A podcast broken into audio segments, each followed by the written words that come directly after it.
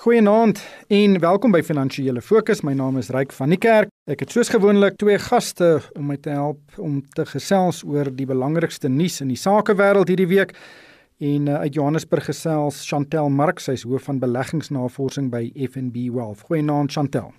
Goeienaand Ryk. En uit die Kaap gesels Jan van die Kerk. Hy is 'n direkteur van RCM and Caliber. Goeienaand Jan. Hallo Ryk, hallo Chantel. Wel dit was eintlik 'n ongelooflike week en nie altyd in 'n positiewe sin nie. Die getuienis voor die Sonderkommissie het baie mense baie dwars in die krop gesteek. Uh, dit was amper skrikwekkend. Kommentaar het egter baie in diepte daarna gekyk. So ons gaan nie vanaand te veel daaraan aandag skenk nie, maar iets wat my wel baie ontstel het en ook vir baie ander mense is die vooruitsig dat elektrisiteitstariewe vanjaar met ten minste 11% gaan styg en dit volg nadat die reguleerder Nersa vir Eskom toestemming gegee het om bykomende geld in te samel wat dit nie voorheen kon insamel of verhaal van verbruikers nie. Jan, kom ons begin by jou. Eskom is baie diep in die finansiële moeilikheid en vra al lank dat tariewe verhoog moet word om dit lewensvatbaar te maak, maar 'n dubbelsyfer verhoging gaan in die huidige ekonomiese konteks baie ander ondernemings onlewensvatbaar maak. Hoe sien jy hierdie 11%? Ryk dis reg. Eskom word tans nie bestuur soos 'n ekonomiese bedryf nie. Ons regering sien Eskom as 'n manier om welvaart te versprei en ook om massa in diensneming te veroorsaak. En dan aan die ander kant is daar ook baie simpatie met munisipaliteite en verbruikers wat Eskom se produk gebruik en nie daarvoor betaal nie. So dit beteken dat hulle die inkomste op 'n ander plek moet kry. Die die natuurlike plek vir dit om te kom is om dit maar 'n uitdruklike belasting te maak, maar op die oomblik kies die regering om dit eerder maar weet met deur hoë elektrisiteitstariewe te in, in te stel. En ek dink jy's reg, dit maak die lewe vir besighede moeiliker en dit gaan ook dit vir individue moeiliker maak. So dis maar net nog 'n ekstra albatros om die nek van die Suid-Afrikaanse verbruiker in die besigheidsbedryf. Nou Chantal, mens sou dalk 'n bietjie begrip wou gehad het van die reguleerder. Ek weet hulle het hofsaake verloor wat hulle amper dwing om, om hierdie verhogings toe te laat, maar in die huidige konteks is 11%, ek dink dit is ongepas in die huidige ekonomiese omgewing. Ja, totaal en al, die verbruiker is onder ongelooflik baie druk. Ek dink die werkloosheidsyfer uh, gaan 10 teen 1 nog steeds baie hoog bly vir 'n hele lang ruk. En dan die groot krisis wat ek het hiermee of die groot bekommernis wat ek het met 'n 11% verhoging in die elektrisiteitspryse is wat dit gaan beteken vir onderliggende inflasie. En dan wat dit gaan beteken vir rentekoerse. As inflasie baie hoog word, dan het jy 'n probleem dat die Reserwebank dalk gaan rentekoerse moet verhoog. Dan gaan die verbruiker onder nog druk wees. Ja, en ek is ook nie heeltemal seker dat 'n verhoging in tariewe werklik 'n wesenlike toename in Eskom se inkomste gaan meebring nie, omdat ekonomiese aktiwiteitsvlakke tans soveel laer is as wat dit 'n jare wat gelede was. En daar's nog sake aan die gang. Die tariewe kan dalk met tot 15% styg, maar ek ek dink regtig hierdie gaan 'n vir ons ekonomie van jare baie baie taai klap gee. Maar Jan, nog 'n storie wat nogal vir my uitgestaan het is dat besighede al hoe meer desperaat word om entstowwe vir hulle werknemers te kry, veral in die mynbedryf. Sibanye Stillwater het hierdie week 200 miljoen rand aan die regering se verkrygingsprogram geskenk om hierdie enstowwe aan te koop en hulle het ook gesê hulle is bereid om hulle eie infrastruktuur te gebruik om hulle werknemers, die gesinne van die werknemers en ook uh, mense in die gemeenskappe om hulle mynbedrywighede in te ent. En en mense kan dit verstaan, die huidige regulasies en die ontwrigting wat COVID-19 in hulle bedrywighede meebring, weet raak regtig hulle hulle winslyne. Ryk dis reg as 'n besigheidsman en dis eintlik die heel maklikste besluit om te neem. Uh, weet in ons maatskappy is ons bereid om al ons werknemers en hulle families van uh, enstowwe te voorsien as ons toegelaat word om dit te doen. En ek dink baie besighede gaan presies dieselfde sê. Ek het eers gehoor dat die koste daarvan om een pasiënt in die intensiewe eenheid van 'n hospitaal vir COVID te te hou is omtrent 400 000 rand. Nou weet jy kan nie dink hoe baie mense jy kan enstowwe voorsien en as ons kan verhoed dat hulle in intensiewe sorg hoef te gaan.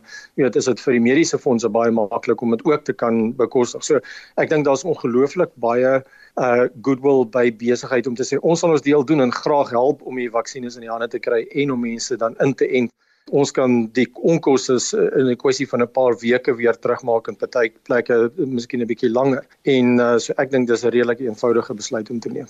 Ja, weet ons kantoor is relatief klein en as daar iemand uh, nou positief toets of 'n aanraking was met iemand wat positief is, dan ontwrig dit ons bedrywighede geweldig en dit het ook 'n 'n direkte kontantkoste omdat ons dan moet die weet die kantoor skoonmaak en en mense met van die huis af werk en ander hulpbronne gebruik. Uh, Chantel, dit het selfs op klein besighede 'n groot impak. Ja, ek dink dit het 'n wye impak op elke amper elke faset van van die Suid-Afrikaanse ekonomie en en in huishoudings ook. Op die einde van die dag wil mense hê dat mense moet gesond wees en mense moet produktief kan wees. En ek dink groot en klein besighede is bereid om daai koste uit te gee om seker te maak dat hulle mense gesond en produktief is en nie net hulle eie mense nie, maar ook die mense wat met hulle in nabye aanraking is, soos hulle families. Want op uh, wat wat ook kan gebeur is dat as jou familielede siek is, kan jy ook nie werk toe kom nie want jy moet dalk kyk na hulle. So ek dink dat soos wat Jan ook gesê het, baie besighede is bereid om hierdie stap te neem. Ek weet selfs die mediese fondse gaan vir gaan vir elke pasiënt wat hulle voorbetaal, gaan hulle vir nog 'n persoon betaal namens die namens die staatsdiens. En ek dink baie van die groot maatskappye sal dalk iets soortgelyks ook doen. Ja, van die lewensversekeringsmaatskappye het ook gesê hulle sal hulle hulle kliënte inent om hulle risiko's te verlaag. Maar Jan, dit kan 'n interessante scenario skep dat as maatskappye toegelaat word om vir hulle werknemers enstowwe aan te koop en daardeur die beskikbare enstowwe vir die res van die bevolking te beperk. Ek weet nie of dit eties reg is nie, maar mense kan seker verstaan dat daar 'n groot behoefte daarvoor is.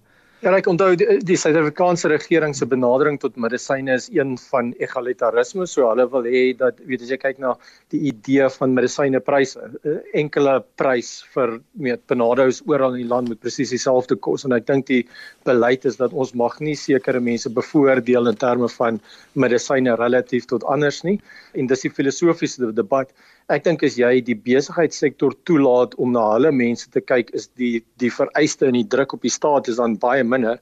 En dan baie van die mense wat in besigheid werk se familie werk vir die staat ook. Sodat of weet so dit kan wees dat besigheid die staat hier kan help en ons kan saamwerk. Maar dit is 'n morele dilemma wat die regering al lankal mee sukkel. Ja soos jy sê hierdie is 'n baie groot saamwerk geleentheid en dit kan eintlik seker die enigste positiewe ding wees wat uit hierdie hele storie vloei Ons sal maar moet kyk wat gebeur. Dan Chantel storie wat ook 'n bietjie nostalgie meegebring het en dit is dat Clicks al sy musika winkels wil sluit. Clicks het natuurlik vir musika hier in 1992 gekoop.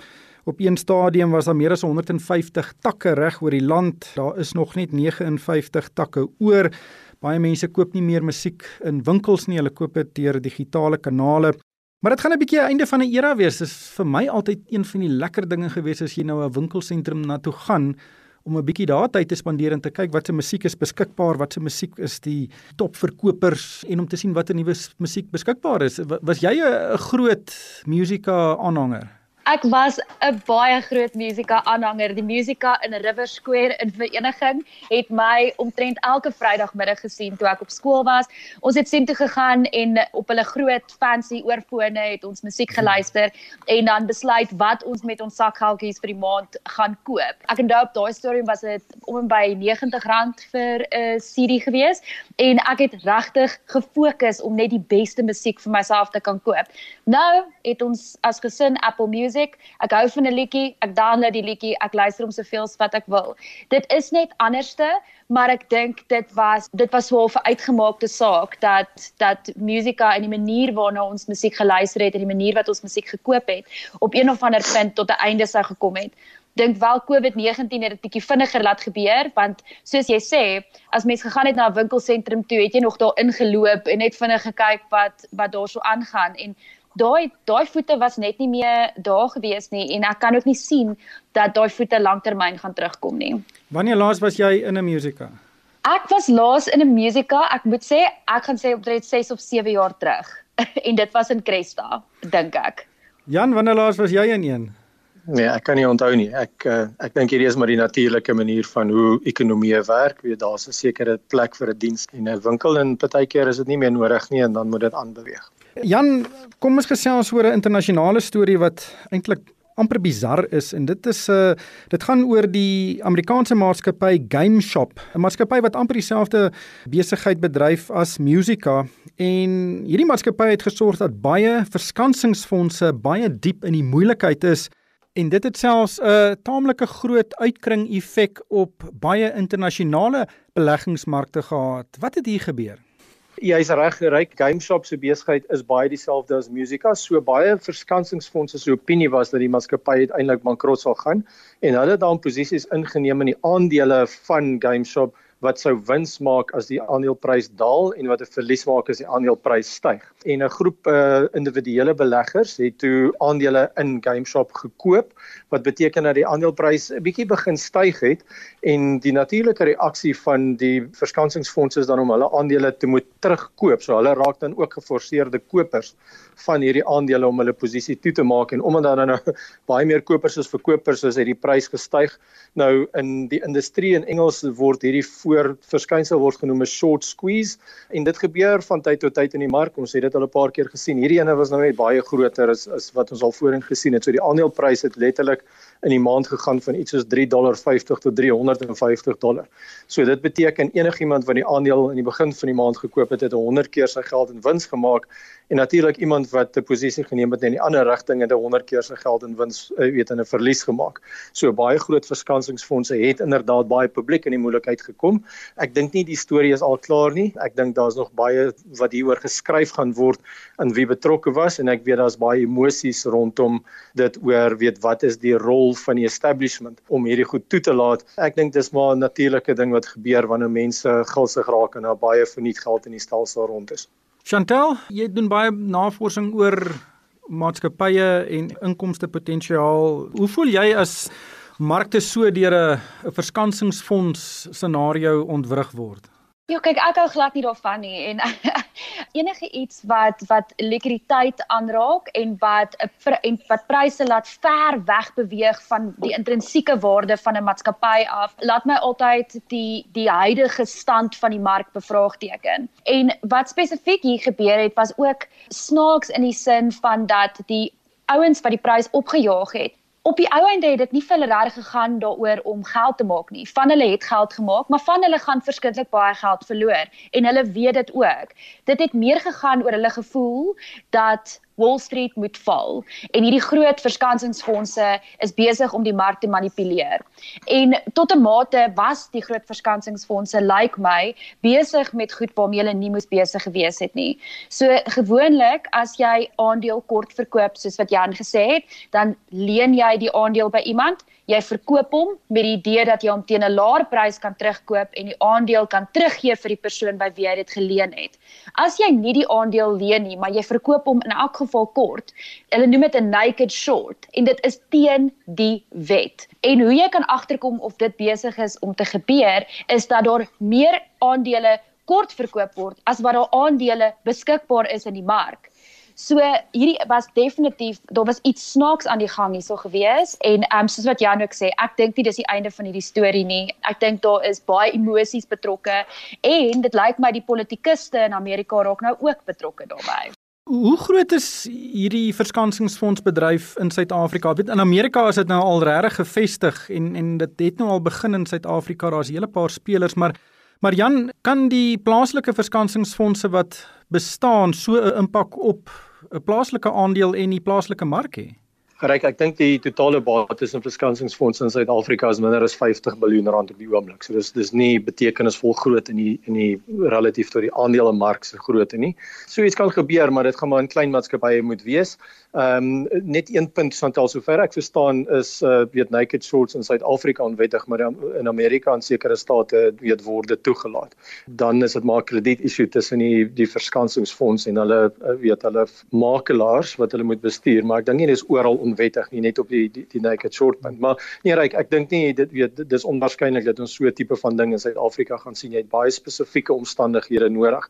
'n kleinerige maatskappy wat in die moeilikheid is waar baie van sy aandele uitgeleen is om op op kort verkope te wees en dan iemand wat die prys ver genoeg en onthou aandelepryse gaan nie net baie op omdat daar 'n bietjie geld is wat daar koop nie jy het verskriklik hoeveelhede geld nodig om 'n onpopulêre aandeel se prys te laat styg want daar's maar baie ander mense wat dit verkoop so ons laat klink dit nou baie makliker as wat dit is jy weet hierdie goed gebeur nie gereeld nie. Dan Jan net laastens op die plaaslike beurs het veral kleinhandel aandele hierdie week baie goed gevaar. Dis in 'n konteks van geweldige druk wat op verbruikers is. Hoe bring jy daardie kloutjie by die oor?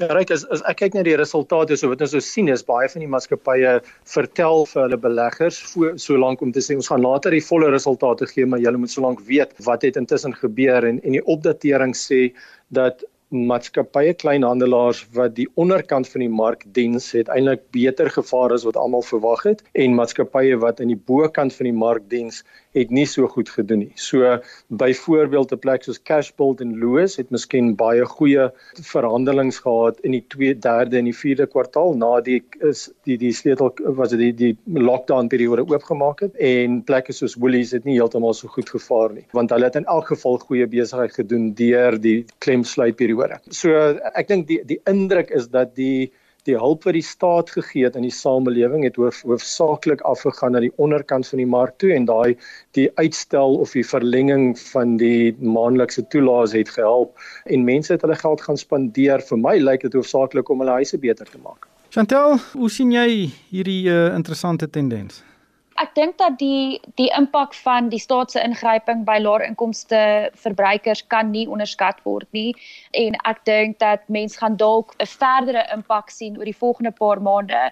Die probleem gaan inkom wanneer wanneer 'n mens nie meer daai ondersteuning het nie en wanneer die werklike impak van werksverliese deur die ekonomie gesyfer het. Dan behoort diskresionêre of klerehandelaars spesifiek of handelaars van juwele en en sulke goederes sal onder druk bly, maar ek dink as mens gaan kyk na na kleinhandelaars wat sal aanhou goed doen, dink ek in in harde waarde in in meubels en enigiets wat dit vir jou gemaklik maak om by die huis te bly, hoor daar nog 'n klein bietjie ondersteuning te wees vir die volgende paar maande, maar die veilige plek om weg te steek bly maar voedsel. So ek sal eerder verkies om op hierdie stadium te kyk na aandele so Spar of Shoprite. Ek dink hulle behoort 'n klein bietjie beter te doen gedurende hierdie tyd. Ons sal dit daarmee los. Baie dankie aan Chantel Marx, hoof van beleggingsnavorsing by FNB Wealth en ook Jan van die Kerk. Hy is 'n direkteur van RCM in Caliber. En vir my ryk van die kerk, dankie vir die saamluister en ek hoop almal 'n winsgewende week.